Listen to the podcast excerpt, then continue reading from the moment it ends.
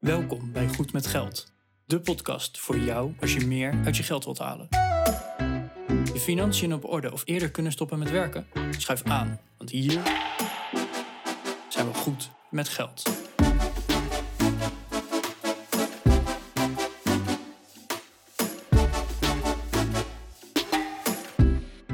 Aflevering 135 van de Goed met Geld podcast. Bas en Arjan hier. De komende aflevering gaat weer over belastingen, onderdeel van onze belastingserie. En we gaan het hebben over hoe je belastingen kunt optimaliseren. Daarin gaan we het hebben over of je gezamenlijk aangifte doet met je partner of niet, eh, wat voor aftrekposten je hebt, hoe we om kunnen gaan met eh, de vermogensbelasting en hoe die impact heeft op je, op je inkomstenbelasting. Ehm, en we, we, nemen een klein uitstapje ook als je ondernemer bent, uh, met een paar vragen die je aan je accountant zou kunnen stellen.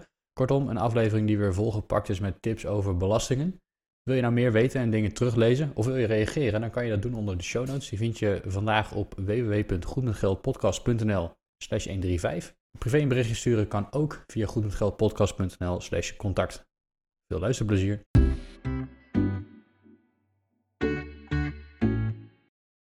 Goedemorgen Arjan. Hey Bas. Betaal je wel eens belasting? Dat is toch een van de twee zekerheden in het leven? Zeker. En het vierde deel van onze belastingserie. Kijk, is het vierde deel je moet belasting betalen? Of, uh... Nee, nee, nee. nee dat, uh, belasting betalen is een, is een moetje natuurlijk. Misschien ook helemaal niet slecht doordat we dat doen. Nou, vandaar natuurlijk dat we een serie over belastingen maken. Ik wilde vandaag eigenlijk het, het vierde deel in die serie uh, gaan opnemen, Arjan, als je, de, als je dat goed vindt. nee, stop op. Nee, grapje. kom erop. Yes. Um, ja, ik wil het eigenlijk gaan hebben over het optimaliseren van belastingen. We hebben het eerder gehad natuurlijk over hoe het belastingstelsel in Nederland ongeveer werkt. Wat de loonbelastingen en inkomstenbelastingen doen. Dat, zijn, dat is de belangrijkste belasting die we, die we hebben in Nederland. Ja. En de laatste die we hebben opgenomen in deze serie ging over de vennootschapsbelasting en hoe je die zou kunnen ontwijken. dus dat is hoe bedrijven en hun winst belast worden. Ja. Ja, een stukje belasting optimaliseren hoort er misschien ook bij. Het is misschien een, een wat vies woord in de huidige tijdgeest. Bedrijven en, en rijke individuele personen die liggen veel onder vuur als, uh, ja, als in de media uh, erachter komen dat er belasting wordt ontweken of ontdoken misschien wel. Weet je het verschil tussen belastingontwijking en ontduiking? Um, ik denk uh, ontwijken is gewoon net het slimmer doen waardoor het niet betaald hoeft te worden. En ontduiken is gewoon dingen achterhouden zodat je het niet hoeft te betalen. Ja, precies. Heel kort gezegd is ontwijken is, is gewoon optimaliseren binnen de regels van de wet. En ontduiken is, nou ja, niet binnen de regels van de wet. Dus ontduiking is illegaal. Ontwijking is niet illegaal uh, en zou uh, slecht kunnen zijn voor je karma als je daarin gelooft. Maar ja, aan de andere kant denk ik dan van ja, die, die regels die zijn er niet voor niets. Hè? Dus als je ze volgt en er komt dan uit dat je iets kan optimaliseren, ja, volgens mij moet je dat dan uh, gewoon doen. De vraag is een beetje, dat is natuurlijk het, het lastige, hè? als we het hebben over belasting optimaliseren, is dat ja, regels zijn soms op meerdere manieren te interpreteren. En er zijn soms gewoon onbedoelde effecten van regels. Hè? Dat je via hele rare achterdeuren en buitenlandse constructies uh, heel veel belasting uh, kan verminderen. Ja, dat is natuurlijk niet de bedoeling geweest van die regels. Dus nee. ik zoek eigenlijk nooit het randje op. En, en, natuurlijk doe ik wel aan het optimaliseren van belastingen. Ik, ik ga niet te veel betalen als dat niet nodig is. Maar ik ga ook niet uh, via Cyprus allemaal gekke BV en stichtingen oprichten om maar wat minder belasting te kunnen betalen. Dat, dat gaat me wat te ver. Dat is ook niet helemaal in de geest van de, van de wet natuurlijk. Hè? Nee, en dus voor alle luisteraars die nu denken van ja, uh, alweer zo'n uh, hey, laten we minder belasting betalen aflevering. Ja, inderdaad, we, we gaan kijken of het mogelijk is om dus minder belasting te betalen door het te optimaliseren. Maar we gaan dus geen rare constructies via Cyprus of de Cayman-eilanden of nou, de Bermuda-driehoek, weet ik het wat allemaal wat je hebt. Zover gaan we niet. Het is meer van, hey, deze regel is er, daar mag je gebruik van maken doe het dus ook. Dat is eigenlijk meer het, is een formuliertje invullen of het opgeven bij de belastingaangifte die je toch al moet doen. Ja, dat, dat is gewoon, die regels zijn er nou eenmaal, dus doe het gewoon. Precies, zoveel, uh, zoveel werk uh, hoeft het helemaal niet te zijn ook, hè? Nee, zeker niet. Nee. En het is heel simpel, hè? Als, uh, ja, als, als er wettelijk geregeld is dat je bepaalde aftrekposten mag gebruiken en je doet het vervolgens niet, ja, dat, is, dat is natuurlijk niet handig, dat is niet slim. En als je ze wel gebruikt, dan is dat uh, niet alleen binnen de letter van de wet, maar ook wel binnen de geest van de wet. Dus ik denk dat het daar uh, gerust over kunnen hebben. Dus uh, ja, vandaag een, een aflevering vol met tips. Even goed om te weten misschien, we gaan niet, nou, we geven sowieso geen belastingadvies. Daarvoor moet je een belastingadviseur inschakelen, dat lijkt me vanzelfsprekend. wilde het toch even genoemd hebben. Ehm, we gaan vandaag ook niet eh, tot in details met percentages en exacte bedragen in op, eh, op de punten die we gaan noemen. Hè. Dus we gaan conceptueel een aantal zaken behandelen. Van denk hier aan, denk daaraan. En het werkt ongeveer zo. Uh, maar hang ons niet op aan het laatste procentje of de laatste euro dat we ernaast zitten. De cijfers die we noemen zijn illustratief. Ja, en dat is eigenlijk ook gewoon pure luiheid, Bas. Want die cijfers wisselen elk jaar, of die wijzigen elk jaar. En anders moeten we deze podcast elk jaar opnieuw opnemen. En aangezien we daar geen zin in hebben, uh, leggen we het concept gewoon uit. Ja. En ja, dus op het moment dat jij dit over twee jaar luistert, dan is het concept nog steeds hetzelfde. Zijn de nummertjes misschien net even anders. Dus als jij de nummertjes opzoekt, dan ken je het concept al en dan is het alleen maar makkelijk om in te vullen. Oké, let's go. Uh, belasting optimaliseren. Nou, zoals we net genoemd hebben en, en ook in de in eerdere belastingafleveringen is teruggekomen. De inkomstenbelasting is de, ja, de, misschien wel de grootste belastingpost in Nederland. Ik meen dat iets van 70% van alle rijksinkomsten, of in ieder geval misschien van alle rijksinkomsten of van alle belastinginkomsten. Denk van alle belastinginkomsten, dat, dat 70% uh, uit de inkomstenbelasting komt. Nou, die betalen jij en ik op en dat je uh, werk hebt, dus je arbeid uh, levert en daarvoor betaald wordt. Als je daar niet zwart voor betaald wordt tenminste. Als je een eigen woning hebt, um, dan, dan betaal je een inkomstenbelasting in box 1. En die inkomstenbelasting, ja, daar kan je best wel wat, best wel wat aan, aan sleutelen. Misschien wel eentje die, ja, die voor de hand zou moeten liggen, maar dat bij veel mensen misschien niet is. Is het verdelen van aftrekposten als je samen met jouw partner aangifte doet. Ben jij fiscaal partner met jouw partner, Arjan? Nee. Nee? Nee, wij, wij zijn geen fiscaal partner. Is, is dat ook een belastingoptimalisatie of, of kwam dat toevallig beter uit? Um, we zijn er gewoon nog niet aan toegekomen. Nee. Eerlijk gezegd. Nee. Nou, je bent ook niet automatisch fiscaal partner natuurlijk als je een relatie hebt en, en zelfs ook niet als je samenwoont. Nee, en waarschijnlijk is het dus juist gunstiger om fiscaal partner te worden. En dat staat op de to-do-lijst ergens een keer, maar... Oké, okay. nou ja. Komt. Ja, als je fiscaal partner wordt, dan um, ja, dat is een keuze die je kunt maken. Hè? Soms wordt de keuze voor je gemaakt. Als je bijvoorbeeld een uh, samenlevingscontract hebt, dan, uh, dan word je fiscaal partner. Ook, ik meen ook als je samen een huis koopt of als je samen kinderen hebt. Ik, ik weet het niet precies, maar er zijn een aantal uh, manieren waarop de keuze voor je wordt gemaakt. Maar je kan natuurlijk ook de keuze zelf maken. Door niks te regelen ben je in principe, in principe zeg ik hier, geen fiscaal partner. Maak samenlevingscontract, dan, dan ben je dat wel. en, en dat is ja, de eerste waar je een beetje aan kan sleutelen. Mijn vriendin en ik wonen al best wel een tijd samen. We hebben heel lang geen samenlevingscontract gehad. Waarom niet? We woonden in mijn koopwoning uh, samen. Nou, zij betaalde een klein beetje aan de, aan de kosten mee. Maar, maar in feite waren haar, ja, weet je, haar inkomen was gewoon een stuk lager dan het mijne. Um, en, en zij kreeg, zeker in het begin, kreeg ze nog een, een, paar toeslagen vanwege haar lage inkomen. Ah, ja. Als je dan fiscaal partner wordt, dan gaan ze kijken naar je gezinsinkomen. Zouden ze de, toeslagen niet meer krijgen. Dus als je het over belastingoptimalisatie hebt, is natuurlijk niet alleen maar de belasting die je betaalt, maar ook de toeslagen die je ontvangt. Die moet je eigenlijk ook in meenemen. Nou, op een gegeven moment is haar inkomen gestegen, waardoor de toeslagen niet meer van toepassing waren. We hebben later samen een woning gekocht. Nou, dan is het wel slim om een paar dingen op papier te gaan zetten, of in ieder geval wat afspraken op papier te gaan zetten. Uh, dus toen hebben we wel een uh, samenlevingscontract zijn we aangegaan met elkaar. En dan, dan word je ineens fiscaal partner. En als je dat bent, dan kan je op je aangifte wat gaan schuiven met aftrekposten en zo. En daar kan je ook nog wat in, in besparen. Ja, want ik en mijn vriendin zijn dus geen fiscaal partners van elkaar. Maar als we dat wel zouden zijn, dan kan ik bijvoorbeeld een deel van mijn vermogen op haar naam eigenlijk invullen. Tenminste, de regeling is zo dat voor één persoon heb je een maximumbedrag wat je belastingvrij mag hebben. Ja. En als je fiscaal partner bent, is dat bedrag opeens gewoon verdubbeld.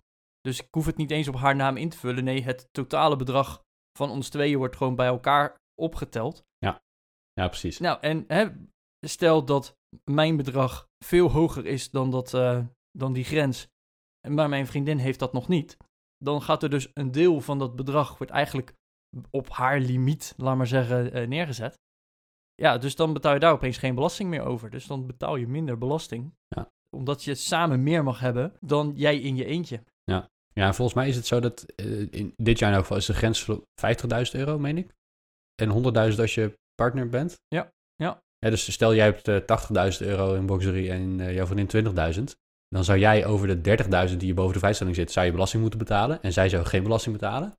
Maar als je fiscaal partner wordt, dan, dan hebben jullie samen 100.000 en een vrijstelling van 100.000. betalen jullie allebei geen belasting. Dat, dat is hoe dat werkt, toch? Ja, klopt. Ja, precies. Ah, dat is wel interessant. Dus dat, dat is er zeker eentje waar je naar kan kijken. Maar daarnaast heb je nog wat, uh, wat andere aftrekposten waar je mee kan schuiven. Want volgens mij Eh, en ik moet heel eerlijk zeggen, dit is het eerste jaar dat mijn vriendin en ik fiscaal partner zijn. Dus ik heb het zelf nog niet meegemaakt. Eh, we, gaan het, we gaan het zien bij de volgende belastingaangifte hoe het precies werkt. Maar je kunt ehm, ja, aftrekposten die, die, die jullie samen of een van jullie beiden krijgt, ja, kan je bijvoorbeeld op de partner met het hoogste inkomen zetten. Waardoor je effectief ja, in euro's gezien wat meer belastingaftrek kunt krijgen. Heb je daar een voorbeeld van? Nee. Jammer. Nou, beste luisteraar, heb jij dit wel eens gedaan? Uh, laat het vooral even in de show notes weten. Ik ben eigenlijk wel benieuwd. Ja, kijk, aftrekposten. Eh, er zijn natuurlijk een hoop aftrekposten. Je hebt, uh, als je een huis hebt gekocht, mag je bepaalde kosten die je voor de, voor de aanschaf hebt gemaakt, mag je aftrekken. Als je giften hebt gedaan, als je studie- of reiskosten hebt gemaakt die niet vergoed worden. Soms heb je ook nog iets met zorgkosten die je zou mogen aftrekken onder bepaalde voorwaarden. Ja. Dus er, zijn, er zijn genoeg aftrekposten die, die er bestaan natuurlijk. Vandaar dat ik daar geen concreet voorbeeld voor heb. Maar het zou natuurlijk interessant kunnen zijn als, eh, stel Arjan, jij verdient minder dan jouw vriendin. Uh, jouw vriendin verdient misschien wel vijf keer zoveel geld als jij. Nou, dat doet ze dan, doet ze dan supergoed. Maar jij hebt een paar giften gedaan. Ja, dan, dan kan het natuurlijk interessant zijn als je die giften mag aftrekken op haar inkomen in plaats van op jouw inkomen. Ja. omdat het effectief in de belastingdruk van jullie samen scheelt. dus op die manier, daar kan, je kunt een beetje sturen daarin als je fiscaal partner bent. Ja, nee eens. Nou, en hè, dat heb je dus, hè, jaarlijks moet je dat ding invullen. En uh, nou, ik ben er altijd wel een, uh, een uur of twee zoet mee, voordat ik alle formuliertjes weer bij, bij, elkaar heb gezocht en noem maar op. Maar er is ook een manier om het achteraf nog een beetje terug te krijgen. Hmm. Um, uh, zij het voldoen aan voorwaarden natuurlijk. dat heet middeling. Daar hebben we het volgens mij zelfs al eerder over gehad, of ik heb het in ieder geval wel vaker genoemd. Ja. middeling is als jij opeens veel meer gaat verdienen of opeens veel minder gaat verdienen. Denk bijvoorbeeld dat jij net na je studie, nou, tijdens je studie verdien je niet zo heel veel over het algemeen. En daarna ga je werken, nou dan verdien je een stuk meer. Of je mhm. krijgt een keer een, uh, een ontslagvergoeding. Uh, je gaat met pensioen, een gouden handdruk, uh, weet ik veel wat. Of je wisselt van baan. Zou ook zomaar kunnen. Nou, dan mhm. kan er opeens een heel groot verschil zijn in jouw salaris. middeling is dus eigenlijk in principe dat waarvan de belasting zegt van nou, jij mag over een periode van drie jaar mag jij alle jaarsalarissen bij elkaar optellen. En dat wordt gelijk verdeeld over die drie jaren. Nou, en dan gaan ze kijken van oké, hoeveel belasting heb jij betaald? Hoeveel belasting zou je betalen als je het echt één op één verdeelt over die drie jaren? En als daar een verschil groter dan, ik geloof, 5,500 euro zit, dan uh, krijg je het verschil daarboven, krijg jij terug. Nou ja. Nou, uh, om een, een, voorbeeld te noemen. Ik ging uh, werken net na mijn studie. En inderdaad, ik verdiende niet zo heel veel tijdens mijn studie. Dus ik ging opeens gewoon naar een normaal jaarsalaris. Nou, toen heb ik middeling ingevuld. En ik geloof het verschil was 600, 700 euro zoiets aan belasting. Dus eigenlijk werd dat ene jaarsalaris werd uitgesmeerd over drie jaarsalarissen. En omdat er natuurlijk verschillen zitten in die verschillende schijven, Hè, de, de, eerste schijf is uh, eh, 37%, de tweede schijf is ongeveer 37%. Dan ga je opeens naar 49% als je meer dan uh, eh, 68k verdient. Maar dat wordt dus verdeeld en grote kans dat het dus in de lagere schijven erbij vloeit. Dus zou je minder belasting betalen. Mhm. nou, bij mij was het verschil ongeveer 700 euro. Oh. Nou, de eerste 5,500 euro, die krijg je niet terug. Uh, dus, maar ik kreeg nog wel 150 euro terug. Nou ja. Nou, en uh, dus wil je daar gebruik van maken? Dat kan tot zeven jaar terug uit mijn hoofd gezegd. Er zijn gewoon websites voor, daar vul je in wat jouw jaarinkomen is geweest. Dat moet je gewoon even bij de Belastingdienst opzoeken. Vrij makkelijk. Ja, je kan je aangifte gewoon even checken en daar staat het op. Aangifte checken, bedrag overnemen en die website die berekent dus van oké, wat is de meest gunstige plek om die middeling aan te vragen over welke drie jaren? En ja. is het überhaupt wel de moeite? een dikke shout-out naar berekenhet.nl. Die gebruik ik vaak voor dit soort berekeningen. Niet, niet alleen hiervoor, maar ook voor hypotheken, voor ja. ik heb Bij deze heb ik geloof ik een andere website gebruikt. Maar er kwam dus zelfs een kant-en-klare brief uitrollen. Oh, wow. Uh, was ook gratis trouwens. Maar er kwam dus een brief uitrollen van... hey, uh, ik heb de berekening gemaakt. Kijk, dit is de berekening. Mm -hmm. uh, dan moet je zelf je documenten erbij voeren van de, de belastingaangifte, noem maar op. de, de documentatie en argumentatie moet je zelf bijvoegen. Je plakt er een postzegel op en wacht rustig af. Dus, en uh, dit mag je meerdere keren uitvoeren, hè, zolang het maar boven die grens van 550 euro uh, uitkomt. Ja, precies. Want jij, hebt- jij hebt natuurlijk een aantal jaar geleden heb je die middeling aangevraagd. Maar Zou jij bijvoorbeeld, eh, als je nu van baan wisselt of als je tijdelijk een, eh, ik weet, als je op sabbatical gaat en je, je werkt een jaar niet, zou je hem dan nog een keer kunnen... Eh, je mag hem nog een keer aanvragen, zolang de drie jaar die je eerder hebt gedaan, maar niet eh, onderdeel zijn van die aanvraag. Ah, oké. Dus- Ah, ja. Hè, ik ben in 2014 gaan werken en ik geloof dat mijn middeling over 2012, 13 en 14 was. Mhm. Die jaren mag ik dan niet meer gebruiken. Maar als ik 2015, 16 en 17 wil doen, dan kan dat. Hm. Oké. Dus, en het, het, het loont dus soms ook om gewoon nog heel even te wachten. Van nou, misschien, eh, hè, zeker als je misschien wel een ZZP'er bent en hè, jouw inkomen fluctueert nogal. Ja. Dat je zegt van nou, eh, misschien wordt het volgend jaar nog wel minder. En kan ik het dus beter over het komende jaar dan aan gaan vragen. Het kan tot zeven jaar terug. Mhm.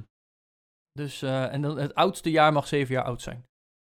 Ik Dus, heb hem net eh, even opgeschreven. Ik ga dit, eh, ja, sinds, ik een, sinds ik een BV heb, doet de accountant voor mij dit soort aangiftes en- checks. Maar ik, ik ga dat zeker even bij hem, bij hem polsen. Mijn inkomen, ja, ik, ik heb een wisselend inkomen gehad natuurlijk, hè, van, van loondienst naar, naar een eenmanszaak en nou weer naar een BV waar je gewoon een salaris krijgt. Dus daar, daar zijn best wel wat wisselingen geweest in, eh, in, in het persoonlijk inkomen, in de box 1 inkomen.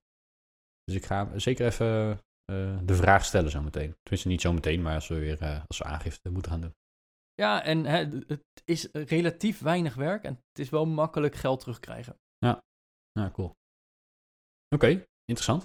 Ja, dus het verdelen van aftrekposten, ehm, het verdelen van je inkomen over de jaren heen, hè, als, het, als het veel gewisseld is. Eh, ik moet heel eerlijk zeggen, ik heb hem een keer ingevuld en toen ik, toen ik begon met werken kreeg ik een starter salaris dat niet zo heel denderend was. En mijn salaris is in de jaren dat ik eh, wat meer werkervaring kreeg, is, eh, is, is groter geworden.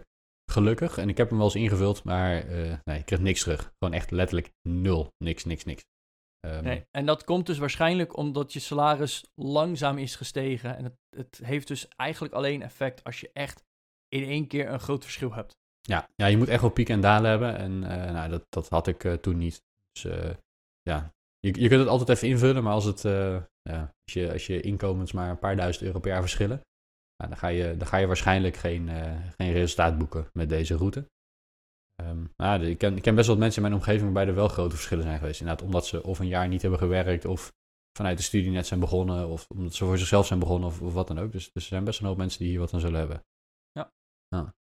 Een andere, als het dan toch over, ja, klein bruggetje naar het ondernemen toe. Ehm, als jij ondernemer bent, als je een bedrijf hebt, en eh, dan met name als jij DGA van je eigen BV bent, DGA staat voor directeur groot aandeelhouder, ehm, dan, eh, dan zijn er eigenlijk twee dingen die je kunt optimaliseren. En, en nou denk ik niet dat 90% van onze luisteraars DGA is, maar er zullen er een paar bij zitten. Ehm, de meeste daarvan die zullen hun accountant eh, ja, vermoeien met dit soort vragen en dat lekker aan, aan ze overlaten. Maar het helpt als je intelligente vragen kunt stellen aan professionals zoals een accountant. Dus eh, stel even over deze twee onderwerpen intelligente vragen. De verhouding tussen loon en dividend. En hou rekening met de vrije ruimte die je hebt op de loonsom. Eh, als eerste even loon en dividend. Je kunt als DGA zijnde, nee, niet je kunt. Je moet als DGA zijnde een salaris krijgen uit je eigen BV. Dat mag niet 1 euro zijn. Je moet daar, eh, er zit een minimum aan van, ik meen dit jaar, 2021, 47.000 euro. Eh, of eh, minstens wat jouw best betaalde werknemer verdient, of minstens wat je zou krijgen in een vergelijkbaar loondienstverband. Daar mag je dan ietsje onder gaan zitten, geloof ik. Maar er zijn dus regels over eh, wat je- minimaal als salaris moet hebben. Maar als je dan zegt, van, ik heb meer geld in privé nodig, of ik wil meer in privé gebruiken om bijvoorbeeld mijn huis mee af te gaan lossen. Ja, dan kan je natuurlijk zeggen, ik ga mijn salaris verhogen. Ehm, je kan ook zeggen, ik ga niet mijn salaris verhogen, maar ik ga een deel van de winst uitkeren als dividend. Nou, daar kan je een beetje mee gaan, mee gaan spelen. Ja. Probeer met dat loon niet het onderste uit de kant te halen. Daar trapt de fiscus ook vaak niet in, eh, hoorde ik. Maar je kunt wel even goed kijken naar de verhouding tussen loon en dividend. Dat, eh, dat, dat, ik, ik meen al dat als je op dat minimum DGA-salaris van 47k zit, wordt elke extra euro salaris namelijk al gewoon op 49% belast. Niet omdat je al in de 49% schijf zit van de inkomstenbelasting, maar wel omdat je door de afbouw van de heffingskortingen, ehm, ja, elke extra euro wordt gewoon op 49% belast. En dividend wordt uit mijn hoofd alles bij elkaar op 40% of zo belast. Je hebt eerst een stukje winstbelasting en in, in de BV hè, de vennootschapsbelasting. En dan heb je eh, dividendbelasting en dan heb je in box 2 nog een stukje belasting. En alles bij elkaar komt dat op een netto druk van 40%. Dus, dus je kunt daar een beetje naar kijken en stoeien van wat, wat is daar interessant in. Je accountant kan je daarbij helpen overigens. Ja, ik, hey Bas, ik, ik vind dit een best wel lastig verhaal. Laten we nog even kort recappen. Dus als jij DGA bent, directeur, groot aandeelhouder, ga naar je accountant. Nou, dat is wel heel kort. Maar het, Sowieso moet zit- je dit door je account laten doen, maar stel hem wel even deze vraag. Ja. De, ja, er zitten dus grote verschillen tussen eh, het salaris wat je krijgt en de belastingdruk daarop. Ja. En de, het dividend wat betaald wordt, dus eigenlijk de winst uit je onderneming en de belastingdruk daarop. Daar zitten gewoon een aantal procenten verschil tussen.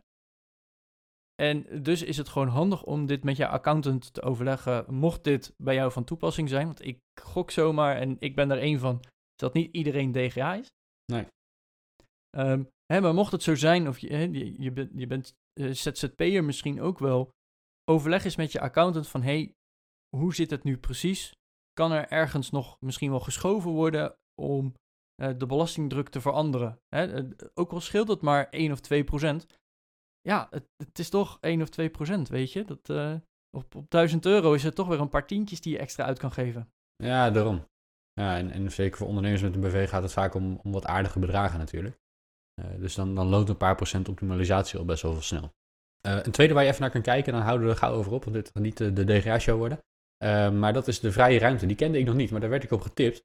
Ehm, eh, je hebt iets als de, de werkkostenregeling, eh, waarin bedrijven eh, bepaalde zaken eh, belastingvrij mogen verstrekken aan werknemers. En denk daarbij aan, aan bedrijfsfeestjes, aan Je kerstpakket. kerstpakketten, aan onkostenvergoedingen, aan nou ja, noem het maar op. Dat, dat soort zaken die normaal gesproken als eh, loon in natura gezien zouden worden door de Belastingdienst. Maar er wordt gezegd van ja, dat, dat zou eh, administratief echt een drama worden om dat allemaal bij te gaan zitten houden. Dus er is, een, eh, er is een bepaalde vrije ruimte in die werkkostenregeling. En dat is een bedrag dat een bedrijf jaarlijks belastingvrij mag verstrekken in, in de vorm van onkostenvergoedingen of kerstpakketten en dat soort zaken. Ik geloof dat dat een percentage van de totale loonsom van het bedrijf is. Hè, dus het is iets van, eh, weet ik veel, 1,7% over de eerste 400.000 euro aan salarissen. Ja. Dat is alles bij elkaar gerekend. En wat je dan krijgt is dat je, eh, dus dat, dat, je pakt de hele loonsom van het bedrijf, je neemt dat percentage daarover. Dan kan je dat bedrag in totaal belastingvrij verstrekken. Als je DGA van je BV bent, dan ben jij in loondienst. Vaak ben je de enige medewerker. En dan heb je daar natuurlijk ook mee te maken. En dat is een bedrag dat je gewoon eh, belastingvrij eh, mag verstrekken. Dus dat, dat percentage, die, die 1,7% over de loonsom, ik geloof dat het zelfs tijdelijk nu 3% is, die kan, je, die kan je opnemen. Dus een stukje extra salaris eigenlijk wat je dan eh, wat je belastingvrij pakt. En ik meen dat tot 2400 euro per jaar, dat je nog in de grens van het redelijke valt als onkostenvergoeding. Eh, en dan wordt daar dus verder ook niet naar gekeken. Zo. Dat Ja. is best wel aardig wat. Ja, voordat je in die 2400 euro zet, heb je natuurlijk wel dat je, dan moet je ook wel een, een fors DGA salaris hebben. Hè? Eh, ja, zeker. Maar goed, het is eh, zeker interessant om even naar te kijken. Ja, en ben je nou geen DGA of heb je geen eigen bedrijf? Het is wel interessant om hier eens eh, over na te denken. Eh, de, deze werkkostenregeling, daar maken heel veel bedrijven gebruik van. En dat is dus een bepaald percentage van, het, van de totale loonsom. Die mogen ze gebruiken om ja, gewoon een, een cashbonus te geven. Of een kerstpakket. Of Ja. een keer een, een etentje in een restaurant. En eh, alles wat ze daarboven uitgeven, daar moeten ze gewoon eh, best wel veel belasting nog over betalen. Hmm. Dus eh, dat, ik, ik geloof dat het echt het, de kosten dan verdubbelt opeens. Oh, wow. Simpelweg omdat er zoveel belasting bij komt. Omdat er gewoon, ja, het wordt gezien als salaris ongeveer. Oké. Bedrijven doen dit natuurlijk ook heel slim. Want die denken van, ja, we, een bedrijf wil jou als werknemer ook graag te vriend houden. Dat sowieso. Maar ook gewoon af en toe wat extra geven. Hè, ik weet bijvoorbeeld, wij hebben wel eens een etentje met het werk. Ja, en dat etentje op zich, dat zou dan van deze eh, werkkostenregeling afgaan. Ah ja. Ja, er is maar een beperkt budget, want het mag een percentage zijn van de totale loonsom. Dus hè, dat is een bepaald budget. Ja. Maar op het moment dat ze nou zeggen van... hé, hey, we doen er een, eh, een learning bij... of een presentatie of een eh, teambuilding activiteit... dan valt het opeens niet meer als gewoon... hé, hey, eh, hier heb je een etentje. Nee, het is dan een teambuildingsactiviteit... die ook gewoon eh, een bepaald nut heeft. Plus, daar hoort een etentje bij... als onderdeel van de teambuildingsactiviteit. Oh ja. En dan valt hij opeens niet onder die eh, werkkostenregeling. En dan gaat het dus ook niet van het budget af. Dan mag het weer gewoon van het, het learning potje af. Of van het, nou, hè, verzin maar wat. Hmm. Dus ja, heel veel, of tenminste, ik zie dat bedrijven wel eens doen. Dat ze door wat slim te boekhouden en er een cursus bij te doen. Of een presentatie van een schrijver of weet ik het wat. Dan is het op een andere manier aftrekbaar. En eh, dan blijft er voor jou als werknemer dus meer over. Dus als je nu de volgende keer denkt van, ja, dat etentje heb ik wel zin in, maar die presentatie die daarvoor moet komen, pff, alsjeblieft, dat, dat hoeft van mij niet. Bedenk dan even dat jouw werkgever dat doet, omdat dat etentje dan eigenlijk gewoon een extraatje is, eh, bovenop alle andere extraatjes. En dat hij het dus eigenlijk doet om gewoon meer budget voor jou vrij te spelen. Ja. Hmm, Oké. Ja, bijzonder. bijzonder. Hey, eh, een andere aftrekpost eh, die, die ik gretig gebruik is de jaarruimte. Oeh, dan komen we bijna terug op de aflevering van Robin. Ja, inderdaad. Kijk, als je, een, als je een inkomen hebt en je bouwt pensioen op of geen pensioen op.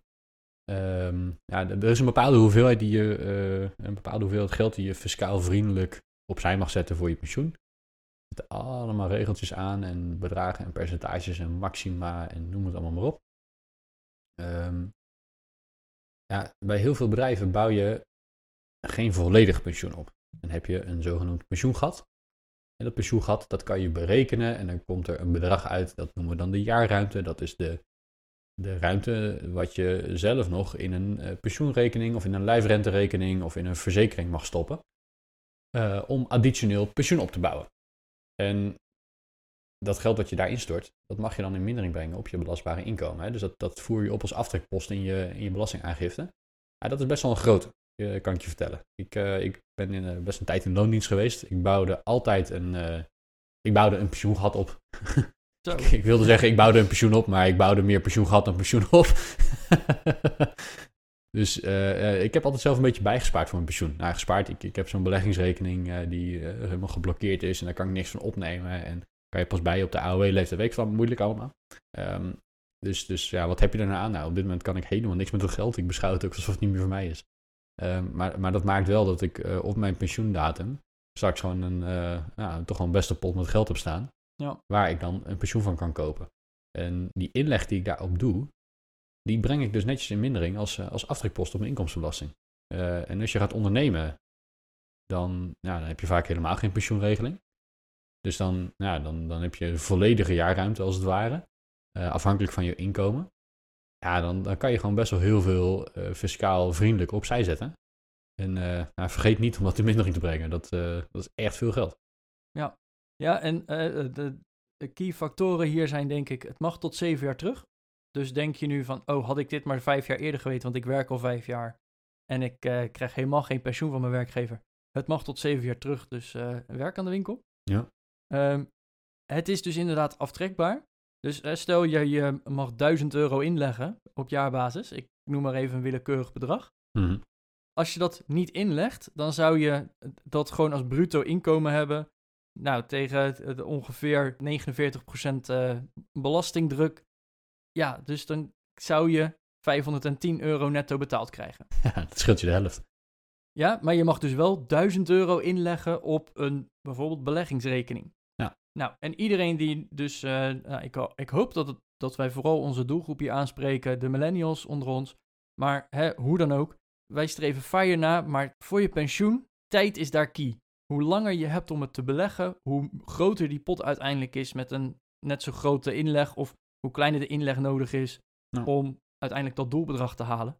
Tijd is gewoon belangrijk. Dus op het moment dat jij nu denkt van ja, ik eh, misschien net wel, net niet, eh, probeer het toch apart te leggen. En inderdaad, je kan niet bij dat geld. Dat, eh, dat is even heel belangrijk. Je kan, als je het eenmaal ingelegd, kan je er niet meer bij. Of je moet er een enorme boete over betalen. Waardoor het je eigenlijk alleen maar geld kost. Maar als je het nu inlegt, dan heeft het nog tot je pensioen om te renderen. Mhm. Terwijl als je hier op je 50ste achterkomt, dan heeft het nog maar nou, 15 jaar om eh, te renderen. 15 tot 20 jaar. Ja, Terwijl als je nu zegt van hé, ik ben 25, dan heeft het 25 jaar langer. Ja, dat, dat is dat is gewoon wel de moeite waard. Ja. ja, dat is echt gigantisch. Dus hier ben ik echt helemaal eh, dat ik achter Robin sta. Zoek het uit. Kijk hoeveel ruimte je hebt. En probeer het in ieder geval eh, in te gaan leggen of in te gaan lopen, dat, eh, dat gat. Ja. Want laat de tijd hier zijn werk doen. Ik denk dat dat het belangrijkste is. En eh, ju- juist omdat je dus eigenlijk heel voordelig eigenlijk dat in kan leggen omdat het eh, om bruto gaat, is dat echt wel de moeite waard. Ja, en ook het vermogen dat je daar opbouwt valt niet in je box 3. Hè? Dus stel dat je, Nee. als je zelf gaat beleggen, dan, dan is het, punt 1 is al, je moet eerst belasting betalen over je inkomen. En met het bedrag na belasting kun je beleggen. Ehm, en, en dan betaal je, als je wat meer geld hebt, op een gegeven moment ook vermogensbelasting over dat geld dat je belegd hebt. Eh, dat, dat geldt eh, voor wat je in de jaarruimte belegt of in, in zo'n, in zo'n lijfrenterekening. Uh, nou, dat valt dus niet in box 3. Op dit moment in elk geval. Geen idee hoe het gaat veranderen. Er wordt nogal wat, er wordt wat geschoven met regeltjes natuurlijk elk jaar. De overheid is een wat onbetrouwbare zaken, zakenpartner wat dat betreft. Want je gaat, nou, zeker als je jong bent, je gaat gewoon een spelletje aan voor 40 jaar. Uh, maar uh, een van beide partijen, en dat ben jij niet, mag de spelregels elk jaar veranderen. Dus dat, dat is wel even lastig. Ja. Um, nou goed. Ja. ja, maar goed, eh, je moet sowieso over je, je oude dag nadenken. Laten we eerlijk zijn.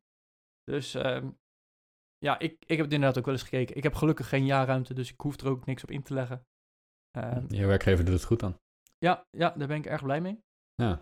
Of betaal je alsnog alles zelf, maar, maar zorg zij dat het gemaximeerd wordt? Ja, ze, ja, ja inderdaad. Dus ja, uh, ja, ja, ik, het is in elk geval wel geregeld. Dat is het is een belangrijk onderwerp in ieder geval, dus uh, check dit in ieder geval even. En dit is dus ook een belastingoptimalisatie waar je gewoon gebruik van mag maken. Het valt allemaal binnen de regels, zoals we aan het begin al zeiden. En ja, ik denk, om, uh, om de aflevering even te recappen, Bas, dat is het belangrijkste. die aangifte, hij is voor een deel al ingevuld tegenwoordig. Ja. Maar don't take it for granted ja, ze hebben heel erg hun best gedaan, maar ik heb altijd wel iets dat ik denk van, oh, maar dat staat er dus nog niet in. Bijvoorbeeld de donaties die ik doe. Ik heb Nou ja. contractueel vastgelegd dat ik een donatie doe. Ja, die zit er niet in. Nee. Ja, Nee, precies. En die moet je ook wel even opgeven. ja, want ik krijg wel een paar honderd euro terug elk jaar. Ja. Zo Zo. simpel is het. Ja. En dat wil ik jou, beste luisteraar, gewoon meegeven. Als jij die belastingaangifte doet. En ja, ik weet het. eh, het is nu september dat deze aflevering uitkomt. Dus waarschijnlijk eh, duurt het nog even. Hm. Maar de volgende keer dat je je belastingaangifte doet, denk bij elke vraag dat je invult, nou gewoon even na, hey, zou dit van mij van toepassing kunnen zijn? Nou, Want ja, waarschijnlijk, waarschijnlijk niet, want anders hadden ze het waarschijnlijk wel ingevuld. Maar ze weten echt niet alles. En denk er gewoon eens rustig over na. Heb ik studiekosten gemaakt en had ik dus geen, had ik daarbij geen recht op studiefinanciering of weet ik het wat?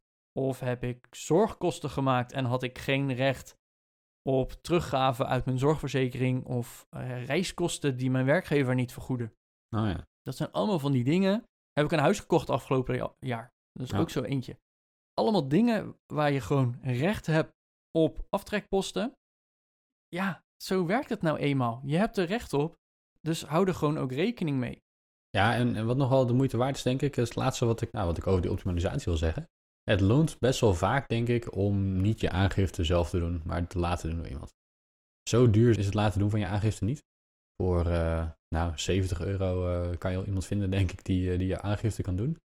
Het voordeel daarvan is dat diegene doet er niet maar één per jaar, maar die doet er misschien wel 100 per jaar. Dus die is er veel handiger in en die weet beter waar die op moet letten. En die kan jou misschien ook wel goede vragen stellen om te achterhalen of je nog aftrekposten hebt of niet. Nou, even makkelijk rekenen met, ehm, met, met 49% belastingdruk, met, met de helft hè, ongeveer. Als jij eh 70 euro betaalt voor iemand die jouw aangifte doet en hij weet eh, een eh, aftrekpost van 140 euro te vinden, dan heeft hij zichzelf al terugverdiend. Ja. En het scheelt jou een hoop tijd. Ja, je moet er wat stukken aanleveren dan, maar eh, die had je anders toch al bij elkaar moeten zoeken. Het invullen en doorklikken van het aangifteprogramma, dat hoef je dan niet meer te doen. Dus ehm, nou, ik, ik heb het eigenlijk altijd zelf gedaan. Vanaf komend jaar ga ik het, eh, ga ik het laten doen door de accountant. Eh, dat is een onderdeel van, van het hele jaarpakket van, van wat mijn bedrijf doet. Maar ja, ook, als je, ook als je geen ondernemer bent, die niet zoveel verstand van hebt en je hebt wat, wat rare aftrekposten waarvan je zegt van ja, hoe zat het ook weer precies? Je zou het best wel eens eh, bij iemand neer kunnen leggen. Ja, Bas, en eh, tot zover denk ik. eh, beste luisteraar, dank weer voor het luisteren. Dit was de vierde uit de reeks van... Ik, heb, ik geloof dat we er nu zeven op de planning hebben staan. Rondom allemaal belastingkwesties en dingen. Ja. Heb jij nog onderwerpen die je graag toe wil voegen aan onze belastingserie? Geef ons gerust even een berichtje van... Hey, heb het daar ook eens over. Want eh, wie weet kunnen we onze luisteraars er ook weer bij helpen. Ja, dat gezegd hebbende, tot volgende week. Tot volgende week.